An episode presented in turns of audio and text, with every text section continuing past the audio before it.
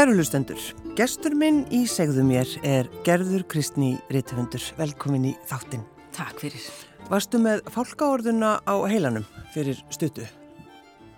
Ég var með henni í barminum, núna á nýjástað reyndar. Já, reyndar. En þegar ég var að skrifa ballið á bestastöðum þá fekk ég mikinn áhuga á, á, á, fórstættaembættinu. Þetta barnabók, kom út 2007 mm. og tveimur árum síðan kom út Prinsessan á bestastöðum og þá sagði ég frá fólkaorðinni svona í, í lok bókarinnar og tók viðtöl við fáina fólkaorði hafa Já.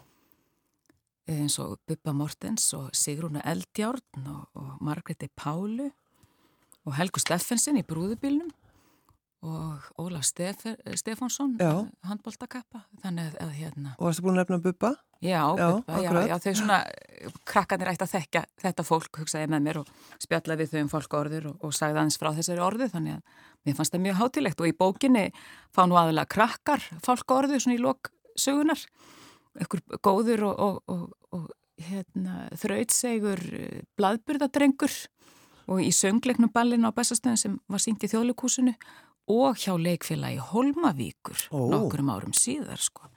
Þá er það kýrin Lilja sem fær fálkaorðu Já. en það vitum við öll, öll að íslenskar kýr og, og íslenskir krakkar eru mjög dugleg Já. og eiga mikinn heiður skilin. Þú, þú segir hérna í lok, lok bókarinnar uh, með prinsessunni að uh, það er svo hátilegt að fara á bestastæði og taka múti fólkórðu að fólk fer í sparifötin sín og sumir greiða jafnvel á sér hárið. Já. En það fer samt enginn þangað upp á von og óvon því öllum sem eiga að fá fólkórðu berst fyrst bref frá fórsetanum. Já, ég, já, ég var búin að njóstna og mér skildist þetta færi þannig fram Já. að maður fengi bref. Fyrst er endar uppringingu hvort að maður langi til að, að taka við þessum heiðri. Já.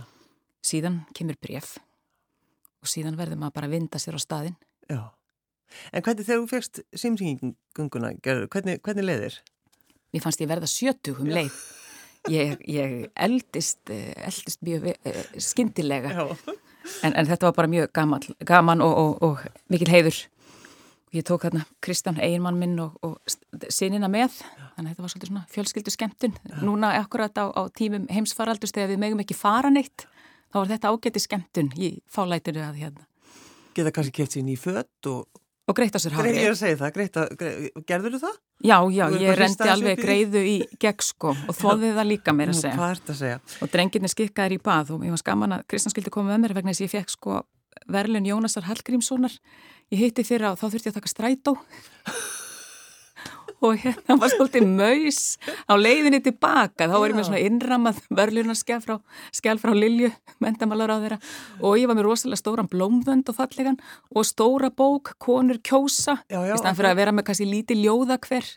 En hérna, nei, stórt sakfræðiritt, ákvæmlega fagurt og, og dásalegt var, var í verðlun og það var maus að koma þessu í heimtið sín í tólfunni. Það láfiði ég bæði aðra farþegum að, að hlaupin til bakka. Já, en þið sérst keirið á bestastæði núna á nýjastag. Já. En, en sko, hvernig, bara hvernig leið þér að fá þetta? Að fá fólkáðuna, svona, svona í alvöru? Þetta er bara heiður og gaman og, og, og svolítið, hérna, já, manni finnst þetta allmerkilegt og fólk stoppa mann alveg á götu þegar maður hérna, á, á leið um borgina, ég hef alveg lendið því núna síðustu daga. Já. og vegna þess að fólk samgleðst manni. Og ég hef alltaf fylst með þessu. Ég fylgist alveg með því hver fær fálkaorðu og óska þeim sem ég þekki til hamingju þetta og, og mér hefur líka alltaf þótt voða gaman að fá að vita hvaða leikona fær að vera fjallkonan 17. júni ég einmitt. bara er þarna, ég bara afsaki smáborgaraskapin, ég bara mér bara finnst þetta hátilegar stundir í lífi þessa fólks Já, ég, ég er alveg sammálaður, Ma, ma, maður aðtóðar þetta alltaf. En um, svo kemur náttúrulega alltaf þessi skemmtilega umræða í hvert einasta skipti. Það er þessi setning sem að, uh, maður elskar, það er af hverju er verið að veita fólki fálkaorðu fyrir að vinna vinnuna sína. fyrir að vinda sér inn í fórstofuherbergið á, á, á ullarsokkunum og náttbuksunum og yrkja ljóð, þetta Já. er náttúrulega, já, tölum um það Tölum við það. Já, já, en hérna ég sendi eitthvað tíman bref til fólkorðu nefndar og, og mælti með konu sem mér fannst að þetta fá fólkorðu og ég man að þegar þetta nafn var lesið upp 17. júni, ég var svo glöð. Já. Þetta var ótrúlega skemmtilegt eins og við meigum öll senda bref og mæla með, með fólki. fólki. Þannig að hérna, við bara eigum að, að, að stýra þessu líka við almen, almenningur. Þetta er fáment þjóðfélag og það eru margir kostir við það. Við getum alveg haft áhrif. Já, já. Eins og konan sem sendi, Elín kona Eddudóttir sem sendi marga, marga tölvuposta til hér og á skil í fálkórðu. Já, hún, hún fær það örgla, en, en se, sendi hérna til fósittarítara tölvuposta þar sem hún rýri því öllum árum að það væri hægt að hafa konu orðu og karla orðu. Já. Þess að nú eru við náttúrulega með mörg kyn og það, það er því bara, já, konuna fengi alltaf svona slöyfu og kallarnir öðruvísi borða sko, en nú er það bara kallaborðin sem verður þá allra, allra kynja borði hérðan í frá þannig að þessu nendi hún og mér finnst þetta mjög mm. skemmtilegt. En þetta, einmitt, þetta vakti aðtikli því að við bara, ég, maður vissi þetta til dæmis ekki, ég, ég held bara að þetta væri bara einn tegund. Já, já, það var konur átt að hafa konu borða og, og kallarnir kallaborða. Þannig. En akkur allir það sé þetta? Akkur að var þannig upphafi. Ég bara, mér finnst ekki kallmannlegra við við kalla borðan þennan upprunnilega eða, eða dömulegra við, við slaufuna. Nei, nokkulega. Þannig að þetta stuðar mikið neitt, hvorki hvernig þetta var og heldur ekki hvernig þetta er orðið núna en auðvitað er þetta þegar við erum með mörg kyn þá gengur ekkert að hafa bara Nei. tvær gerðir af, af, af orðum. Já. Hún far falkórnu næst held ég. Já. Það er alveg á, á hreinu. En það er kannski ekkit allir sem, sem vita það að það fylgir lítil svona rósetta uh, falkórðinni. Já. Þannig rauninni þú gætir til dæmis hér hjá mér á þessum ágæta morgni verið með litla rósettu.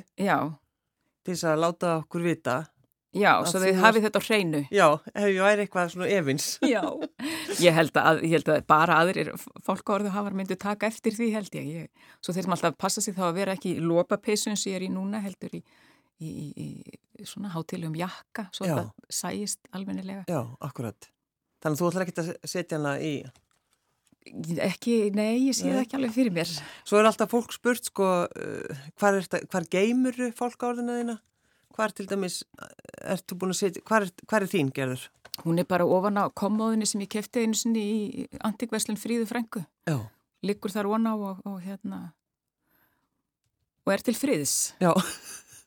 Það er engin, ég heyr engan vangjaslátt frá fólkanum, þetta er bara allt bara mjög rólegt. Já, já. Já.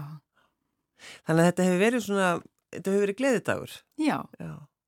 Það var mjög gaman og aðtöfnið svona í COVID-stíl, maður fekk hérna tímyndur korter og svo var komið að næsta. Já, ymmit. Þannig að þetta var einn hátilegt og fallegt og, og einlegt og indelt. Já, já. Þannig að þetta, þetta er miskusti komið. En hvenar sko þessi tvö ár, nú erum bara einhvern veginn svo mikið að hugsa um þessi ár síðan, að, síðan þetta byrjaði allt saman. Hvernig hefur svona þinn sköpunarkraftu verið þessi tvö ár sem við hefum verið heima? Fyrst fekk ég náttúrulega svolítið áhyggjur, allt í hennu var farið að slaufa utarlandsferðunum og, og, og þessum erlendu bókmyndaháttum sem var búið að bjóða mér á. Mm. Ekki fór ég til Kína og, og ekki fór ég til Noregs og þannig að þá þarf maður að, að rína inn í tækifærin sem liggja þó, þó í, í svona ástandi og tók bara til við að skrifa sögu og ég skrifaði barnasögu sem heitir Íðun og afi pönk og var með framhald í, í fyrra, meira pönk og meiri hamingu. Og það var bara indalt að fá svona langan samfeldan tíma til að sitja við tölvuna. Mm. Og ég fór norður á Holmavík, fekk inni þar í Sparisjóðstjóra húsinu og, og veldi fyrir mér uh, náttúrinni og, og dýralífinu þar og það var indalt, ég er ennað vinn úr þeirri ferð. Þannig allt í hennu, ég hugsaði þetta sem svo, nú er enginn sem sendir mér til útlanda, nú get ég loksins gert allt sem ég vil. Já. Ég get bara valið það sjálf. Og Hólmavík er fagur staður, ég er ættið úr, úr strandasíslu þannig að mér var vel tekið þarna og þannig að ég hef bara unnið svolítið vel. Mm. Og ég, mér langaði til að, við byrjum á því að tala um ballið á bestastöðum, þannig að mér langaði til að vinna aftur með Halldóri Baldursinni sem teiknaði myndirnar af þessa bækur og, og þá var það punk sem lág beinast við. Ég Já. tengi hann svolítið við þann tíðaranda. Akkurat. Og þetta hefur bara verið indælist tími. Maður hefur fengið svona, maður hefur getað einbitt sér að minnstakosti. En svo fór, greip mig eitthvað erðarleysum daginn og ég fór inn á vefin og, og hugsaði með mér, verður maður ekki að fara að setja sér markmið, bara nýtt ár og svona, Já. á maður ekki að gera það, kona mínum aldri. Setja sér markmið. Og hvað markmið ertu? Ég leitaði eitthvað uppi og ég fann hérna, mér dætti ekki til sjálfur í hug, og sko 30 bækur, en nú dætt mér ekkert í hug, hvaða markmið á ég hafa? Já hugsa út fyrir kassan og eitthvað. Það er hérna, svo hugsaðum við alltaf út fyrir nákvæmlega sama kassan og hinnir og allt inn erum við komin á sömu jókanámskeiðin og gönguskeiðanámskeiðin þannig að hérna, og ég hef ekkert minni alltaf verið svolítið rekst ekki vel í hópum, þannig að við langar ekkert á þessi námskeið þeim. En hérna, svo lendi ég alltaf inn á okkur um amerískum heimasýðum og það er mér sagt að hægt að drekka. Já hægt að fara á happy hour það er greinlega vandamál hjá amerískum konum. Já. þannig ok, ég hef ekkert verið þar og við getum ekkert í skerjaferðinu að fara á happy hour. Nú er bara áttindi bekkingurum minna að læra á hótel sögu, það er hann og bekkjarfélagur hans sem hanga á mímisbar og, og á grillinu. Já, já. bara í, í námið þarna. Þannig við getum ekkert farið það og svo les fínheit og svo átti ég að, að lesa bækur og fara í göngutúra sem er náttúrulega bara það sem ég gerir þannig ég greinlega liði bara þessu ágæta lífi. Já Þannig að þar fór það. Mér finnst þetta samt svolítið gott einmitt, bara alls ekki gerðu Kristín, þú verður að hætta að fara happy hour Já. og hætta að drekka, það er líka mjög mikilvægt fyrir því. Þú bara verður að hugsa um þetta. Ég veit það, ég veit það. Þannig að fyrst yrst ég þá að byrja og síðan að hætta og... En Nei, ég veit það ekki. Já, að því að þú talar einmitt um að, að lesa bækur, uh, það getur allt orðið keppni. Já. hjá þér. Já, ég var eitthvað að keppi bóklestri við, við Facebook-vinkunum mínar og fannst ég nokkuð góð að komast upp í 70. Já. Þá er þetta bara yfir tromba mig. Þetta, fólk les bara 86 bækur og 90 og eitthvað En sko, 70 bækur, þetta er heil mikið á einu ári. Takk fyrir að segja það og senda það út í ríkisúttarpunni. Ég veit það. Takk. Ég bara, þú veist, ég ger þetta ókipis næstu. Já, ég held að þessar konur hafi nú ekki bara verið að, að fylgjast með hverju það raunverulega, hvað var að gerast í bókunum. Nei. Nei, nefn engin nöfn. Nei, Ragnhildur Vigfúsdóttir. Já. Erna Ejjólfsdóttir Nei, Erlingsdóttir. En þú sko, þú náttúrulega hefur í gegnum árun ekkert gegnum árun, þú bara þú, þú heldur dagbók um þetta. Já, ég skrifa niður hvað ég les. Mér finnst ágætt að, að halda utanum þetta og, og fólk nota líka Goodreads En svo er þetta bara einhvern veginn, maður fer yfir þessa lista og hugsa, maður hefur þó verið að gera eitthvað að viti. Já. Þess að maður gerir fullt, maður sittur í vél og maður tekur úr henni aftur í ekkert að skrá það. Nei, akkurat. Hengt upp sokk. Já. En hérna, þarna sínir maður, eh, sér maður svart á kvítu að maður gerði eitthvað. Já. Það er einhvers virðið svona. Og þá, kannski, þá getur þú kannski séði líka svolítið séð eh, hvernig þið leið. Já, hvað ég var, jú, hvað ég var stödd og hvaða bóki tók með mér í þessa og hinn að ferðina Já. og ákveður þetta höfðaði til mín? Ákveður þetta var gefið út á þessum tíma? Allir sér höfundar sem slá í gegn og eru stórir og miklir og hverfa svo. Mm. þannig að það er líka aðtiklisvert þessi 15 mínútna fræð Þannig að það er líka alltaf að hugsa um hana stundum. Já, og svo ertu núna eh, að lesa, þú talar, talar um þetta sem nefntóbaks bókmyndir. Já, það er hérna þjóðlegur, eh, fróðlegur áhugin á honum kviknar með, með hækandi aldri. Já, og líka því þú komið fólkgóðuna. Já, segðu. en hvaða bækur eru þetta?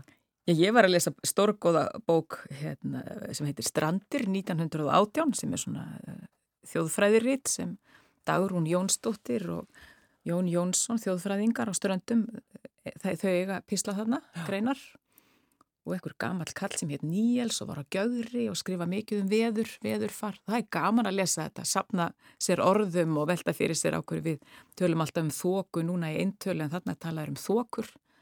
Þá komið þókur yfir fjörðin. Já, já, talar um þókuna sem í flirtölu. Í flirtölu, já. já. Mér finnst þetta bara áhugavert, bara orðalægið og hvað þeim likur á hjarta og 1918 hvað, hvað þetta er frostaveturinn mikli og hvað fólk er á, á eilífu, eilífu rampi um sveitirnar. Það bara ber framann í sér tólk og hendist af stað og Já, þetta maður taka þetta upp, Já. þjóðlega snýrtifurur, hætta þessu Clarence og Chanel ruggli og bera fram hann í okkur tólk. Já, og... þetta, svo margt sem við getum lært á því að lesa um þjóðlegan fróðleik. Segðu.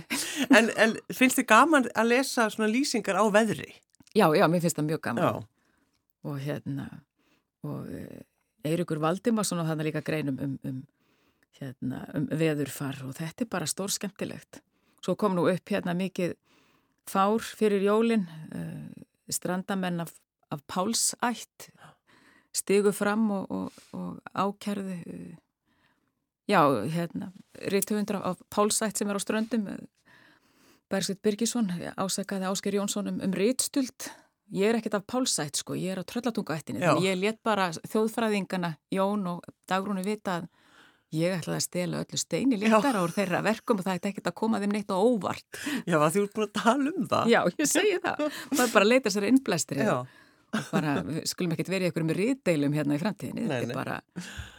Getur bara sjálfur sem er kengt að þau eru skemmtileg og veita með mikinn innblástur. Akkurat, nákvæmlega. En hvað, sko, ertu að skrifa ljóð núna eða hvað, hvað ert að skrifa? Ég er í ljóðunum. Já. Ég vakna hverju mótni og kveikja á tölvu og fer yfir glósutna mínar og, og held áfram með bálk. Já. Og það er bara skemmtilegt og einhvers virði finnst mér að skrifa ljóð og svo er maður að glósa hjá sér hugmyndir fyrir einhverja bók sem geti komið út í framtíðinni, mm. skáldsögu. Þannig að maður vinnur á svona ymsu, hérna, svona jöfnum höndum.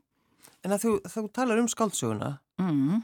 og, og ef ég spyrði hvað ætlar að skrifum þá bara segir þú nei, ég ætla ekki að tala um það eða hvað. Ekki gott ég skulle svara fyrir því? Jú, takk. Já. Þetta er, gerir starfmygt auðveldra hér. En hérna, já, hérna, ég skrifaði eitthvað svona bók sem hétt Smarties og fjallaði svona um hvernig ég var að vera krakki fættur um 1970 og mér langar oft til að sjá mína kynnslóð og það sem við erum að díla við mm. í, í lífinu, sjá hana í, í skálsugu, fólk sem var með legglífar og í milletúlpum og hérna og eh, já, ólunst upp á tíma þar sem lítið var talað um, um hverskins vandamál, hvað sem það var kynferðisofbeldi eða, eða alkoholismi mm. Og við fórum svolítið begð og buguð stundum í skólan og, og tókum, hress, tókum stressilega á bekkurinn manni og hérna það var í áhugavert að halda áfram á þeirri vegferð. Já. En svo náttúrulega bara heldur maður áfram sínu puði og, og, og, og hérna, ég veit nú aldrei á hvað, hvert ég, hvort ég kemst, já, hvert ég ætla mér, en, en áttamist undum á því bara þegar ég er komin þangað, mm. þá líkst það upp fyrir mér, að það var hinga sem ég ætlaði mér allan tíman. En þessi tími, þetta er náttúrulega mjög áhugavert akkurat að tala um bara, þú veist, eins og þú talar um, það er bara, maður fekk svona bara klappa á bakið og nú bara heldur þú áfram, það er svolítið þannig sko, ef, ef þegar fólk og börn voru að lenda í einhverju? Já, já. Við skulum ekkert verið að tala um þetta, þetta er bara óþægilegt. Já, það var svolítið þannig, þannig að ég hérna, held að minn bekkur hafi verið bugaður af ímsu, svona sem þau, þau glimtu við. Já, þeir voru að hugsa um þetta, þeir voru að, já. Já, og náttúrulega enn, ég hef, hef þetta alltaf í huga þegar ég er að skrifa barnabækur. Það er alltaf verið að leita um einhverjum bóðskap í barnabókum og ég er svolítið erfitt með bóðskapin. Mér langar ekkert til að kenna fólki að busta tennutnar eða fara yfir á grænu ljósi. Ég vil ekkert að bækurna mín að gangi út á það. En, en hérna, og svo sér maður að gaggrinendur vilja samt finna eitthvað og, og hvað stóði í fréttablaðan ég hefði verið að kenna börnum að, að hérna, góðar fallbeggingar Já, það var mjög skemmtilegt við fannst það rosa fyndið. Hérna, þess að þannig er pöngljónsett sem heitir Bryggsl og hún er alltaf hérna fallbeigð frá Bryggslum heyra laga með Bryggslum. Þetta var bara skemmtilegt. En hérna en já en við langar bara til að skemmta krökkum sem lesa barnabækur vegna já. þess að þau einmitt eiga við eitt og annað heima hjá sér og í skólanum og í sálarlífinu og þá er gott að geta horfið inn í bók mm. og finna einhverja, einhverja ljúfa veröld þar og skemmtilega og fjörlega. Já, og þetta er bara sem að þú hefur ákveðið, þetta er bara, þú vilt að, að bækundaðinnar Já, ég sótti í þannig bækur eftir Astrid Lindgren til dæmis, ég veit ekki alveg hva, hvað maður lærði mikið af einhverju stuði og ólatagarði, þetta var bara mjög fallegt Jú. og sniðut og skemmtilegt og... Er það ekki? Já Lífsgliðina kannski? Já, það veit, manni veitir ekkert af henn Nei 5. janúar maður, myrkur úti og kallt en og lagð yfir landinu. og lagð yfir landinu en hér sitjum við nú samt Já. og reynum að hafa gaman af. En þú sko húmóraðinn gerður. Já. Það, hann er stundum fólk miskilur hann stundum.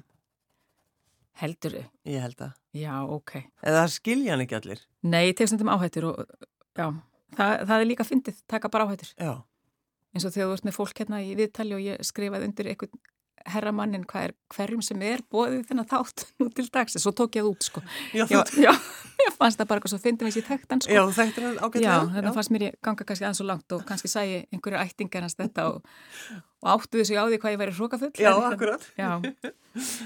En nei, já, já, stundum hendi ég svona stofur á Facebook, þú er kannski að, að í að því. Já, akkurat. ófærðarstofur og kórónustofur til að skemta mér, þess að maður er náttúrulega ekki með vinnust það þegar maður er, er rítöfundur í fórstofuherberginu heima hjá sér. Nei, og ég mann þegar maður vann, þegar ég vann sem bladamar og rítstjóri þá gæti maður hitt félaga mm. sína daginn eftir, eftir, eftir góðan þátt. Við vorum sérstaklega að hlusta að horfa bráðavaktina. Já, já. Síðan hef ég alltaf haft rivjaklennu á mér. Ef einhver skildi nýga í ómegin, jú, jú. þá, þá verð ég konan með rivjaklennuna. Þá, ég svo, var svolítið að hugsa um sko með að barkaþræða Barkaþræða, já, það var hægt með pennamann maður tók bara kúlupenna og Vist, maður er náttúrulega bara útlærður læknir Algjörlega. eftir að hafa horta á þess að þáttaræðir. Já, það er sko þetta einmitt að þessi línilega dagskrá að hittast svo uh, á mánudegi eða hvern, hvernig sem er sko. Þetta. Að tala um þessu hluti, en þú byrjar, um, var það þegar erfingjarnir voru síndir hér á Rúf eða hva, hvenna byrjaði það á þessu? Hvenar litist mér svo mikið að ég þurfti að henda í svona stofu? Eða brúin, brúarstofan. Ætli hún hafi ekki verið, bara ég hef verið ykkur uppnámi yfir, yfir henni heima hjá mér. Já. hvað var að gerast hjá henni sögu þarna í brúarstofinni Já. og svo man ég að síðustu þættinni voru sendir úr tveir saman og þá hittist við Áslög Guðrunadóttir á, á bar við hverfiskötuna og hafðum svona brúarkvöld Það var mjög gaman, bara eins og þegar kallmenn sapna saman og horfa fókbaltaleiki, þá fannst mér að við ættum að opna bar, hafa opinn fókbaltabar sem átt að vera lokar, þetta var mándaskvöldi. og við buðum þarna hverjum sem vildi að koma og fylgjast með, með brúni síðustu þáttunum. Það var mjög gaman, já. mikil stemning og það var alveg bara samfélagi í kringu þetta, þannig að svo er hægt að gera í litlu samfélagi. Já, já, já, já. Að, hérna, en það er bara Danir eru snillingar í handrita gerð, bara mm. erfingarnir var geggjaðir, það var geggjaðir þættir og, og vegir drottins um að sér að Jóhannes, það var líka æðislegt og fjallum trúarlíf fólks og, og breyskleika eða erðamál, þetta er náttúrulega bara stórt efni og því miður það þarf að það er að sem þetta er svo annað. Já, já, já, já. Og taka á því, þannig að mér finnst þeirri þeirra fundvísir á áhugaverð efni og snillingar í handrítakjörð. En svo skrifað þú náttúrulega, veist, þegar ófærðarstofan, þú opnaðir hana, Já. þá vorstu svolítið að, að blanda svona, vorstu svolítið mat. Já, ég um ímynda um mér að ég sé heima hjá mér og allir séu komnir í heimsókn og allir eigi að setja, hafa, koma með rækjusalat og ritskeks og, og eitthvað góðan bakstur. Já, vorstu svolítið svona með gamaldags, þá erum við að því að tala um sko í kringum 70 Já. leggings og Já. þetta og, og dúnúlpunar Það eru tartarlettur. Tartarlettnar í ófæðastofinni Já og bögles Já. Já, bara eitthvað svona sem að grýpur með sér úr, úr, úr víði. Já og söpekk Ég er úr hálitiskverfinu, það var annarkort farið í víði eða söpekk Já, sko. það, það var annarkort Vörumarkaðan var líka stuð, skamt utan Það var nú aldeilis moll, getur sagtir Jú, jú. En þegar þú situr svona og skrifar eitthvað á Facebook, gerður og, og svo ferðu kannski bara að sofa.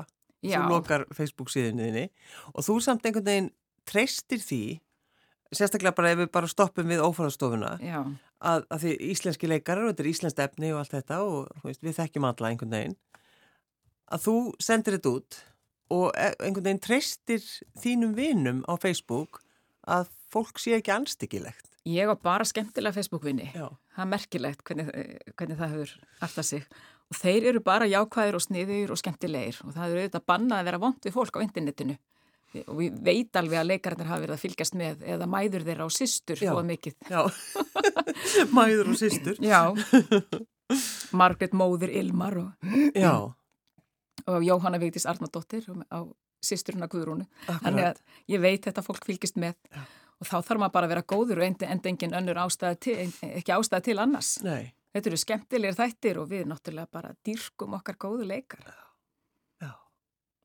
Hann, Ólafur Darri í, í órendri úlpunni. Já. Svo geta, hérna, getur aðtikleimið alltaf farið í svona undarleg smáadriði, hvort á úlpan sé rend Já. eða ekki rend og þá bara höldum við endlust áfram með það. Mm.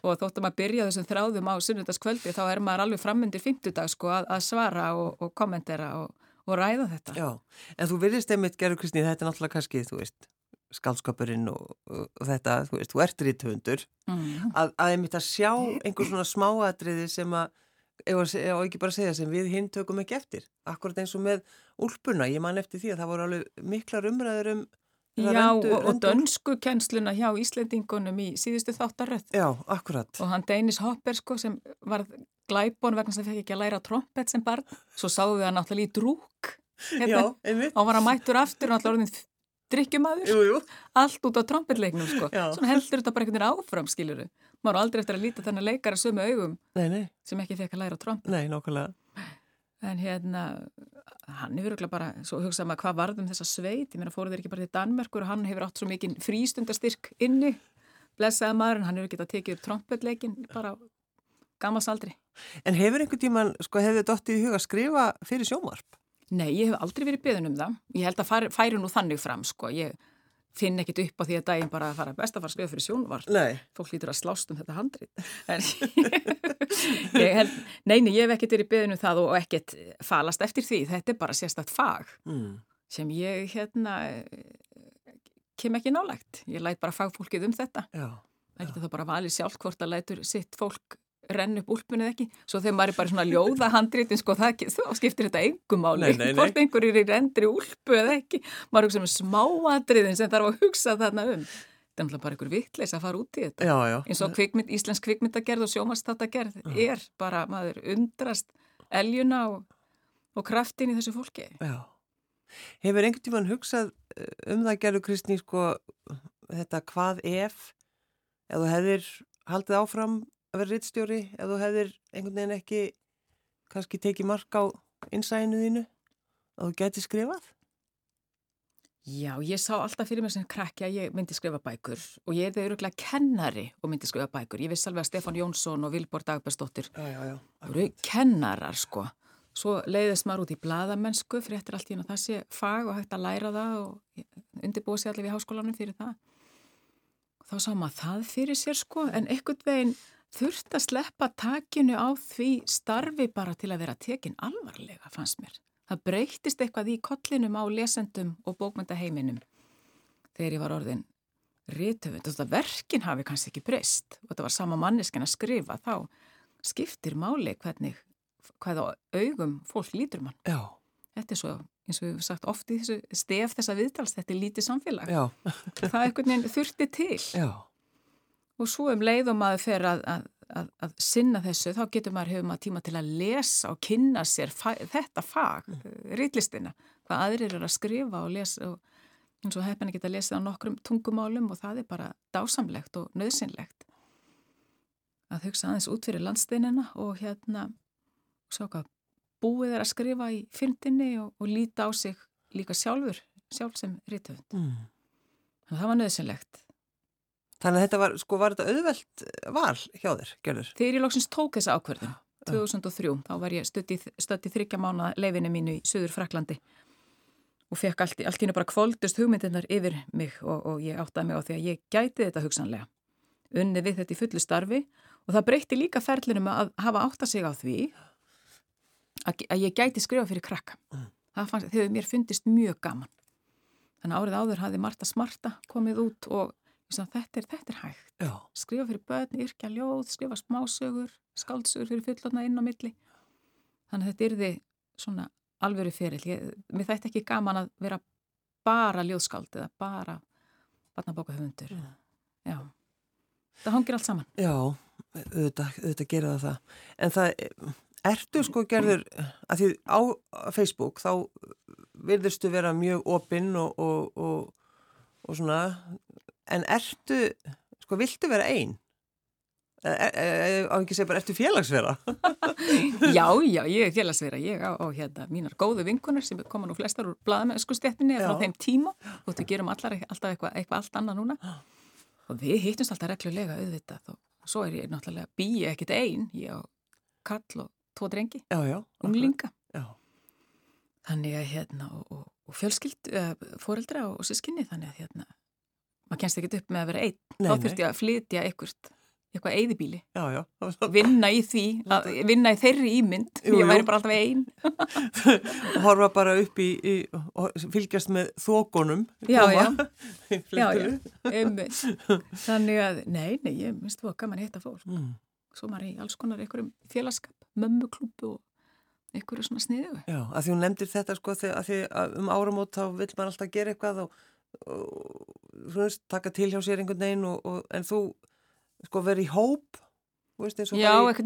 já, já, já, maður fylgist náttúrulega með bara tíðarandanum, mm. okkur göngustgýður, það er einu svöl og, og jóka og jóka og allt þetta, já. Já, já, allir farið svona jókanám og, og já, já, þetta eru, eru öflugar vinkonur sem maður á, maður, maður, maður er fullir vinnu með að greina þær og hvað, við bara hverju finna þær næst, þannig að það er ótrúlega gaman. Já og, líka, líka, og ljúka við jártkarlin og þetta ég bara verðið maður því og utan vega hlaupin þetta er allt bara mjög skemmtilegt ég bara er ekki í þessu.